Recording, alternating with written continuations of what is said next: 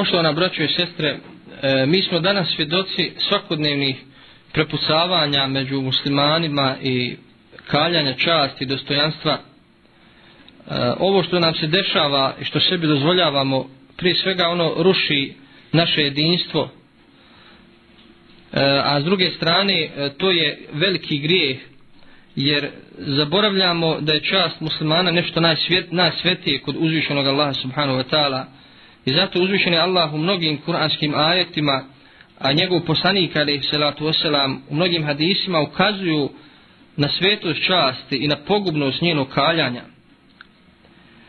U jednom od hadisa koji bilježi Bukhara i Muslim a koji je poslanik alaih salatu wasalam izrekao na oprostom hađu među svojim posljednjim porukama ili od posljednjih poruka između ostalog, i kazao uistino je vaša krv vaši imeci, vaša čast za sve vas sveta kao što je svet ovaj dan u ovom svetom mjesecu i u ovom svetom mjestu neka prisutni prenesu osutnima također jedne prilike Alija radijallahu anhu dok je sedio pored Kaabe rekao je o Kaabo, svetali si i veličanstvena i uistinu je veliki grijeh da, se ne, da, da te neko sruši, ali još veći grijeh da neko sruši i uništi čast i ugled drugog muslimana.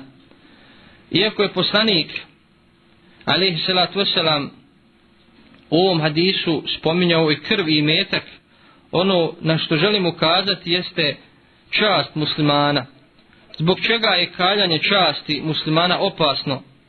Opasno je iz više razloga. Zbog toga što kaljanje časti teže pada čovjeku nego rušenje, odnosno uzurpiranje njegova imetka i prolijevanje njegove krvi. Zato što se dešava da ljudi više napadaju čast jedni drugih nego što ruše imetak i prolijevaju krv. Kaljanje časti ostavlja katastrofalne posljedice po međumuslimanske odnose, a ne možemo zamisliti jako jedinstveno islamsko društvo ako pojedinci tog društva međusobno kaljaju čast jedni drugima. Kaljanje časti je velika nepravda prema muslimanu, za koju nam je potreban ne samo Allahu oprost, nego i oprost onoga u čiju smo čast, čiju smo čast okaljali. Bilježi imam je Ahmed i Al-Bejheqi u dijelu Šuabul Iman od Aisha radijallahu ta'ala anha da je Allahu poslanik sallallahu alaihi wa sallam jedne prilike rekao tri su vrste stranica ljudskih dijela. Stranice koje Allah neće oprostiti to je pripisivanje Allahu saučesnika. I kaže uzvišeni Allah inna Allahe la jagfiru an yušreke bih. Allah u istinu neće oprostiti da mu se šir čini. Stranice koje Allah neće nikada zapostaviti, a to je nepravda koju su ljudi činili jedni drugima, dok ne podmiri račune, i stranice na koje se Allah plaho ne osvrće, a to je nepravda ljudi koja je između Allaha, koja je između njih i Allaha, to je Allahovo, ako bude htio kazniće zbog toga, ako bude htio prostiće.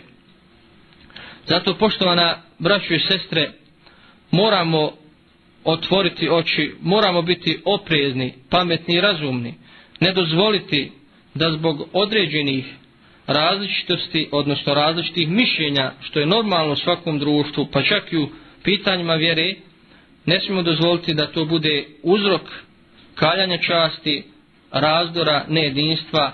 Moramo se više učiti toleranciji, jer Kur'an, odnosno uzvišeni Allah, naređuje toleranciju, odnosno naređuje dobročinstvo i prema drugima koji nisu naše vjere, da se sa njima lijepo obhodimo, a šta je onda sa našim međusobnim muslimanskim odnosima?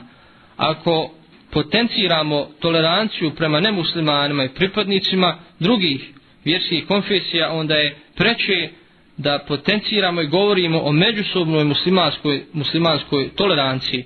To nam je od Allaha naređeno, to nam je znači imperativ i to nam je jedan od uzroka našeg jedinstva i naše bolje budućnosti. Molim uzvišenog Allaha subhanahu wa ta'ala da nas pouči našoj vjeri, da ujedini naše uh, safove, redove, da nam podari više razumijevanja, više tolerancije i da okupi muslimane oko istine. Akulu kao li hada wa stakfirullah li wa lakum fastakfiruh innehu huval gafur rahim.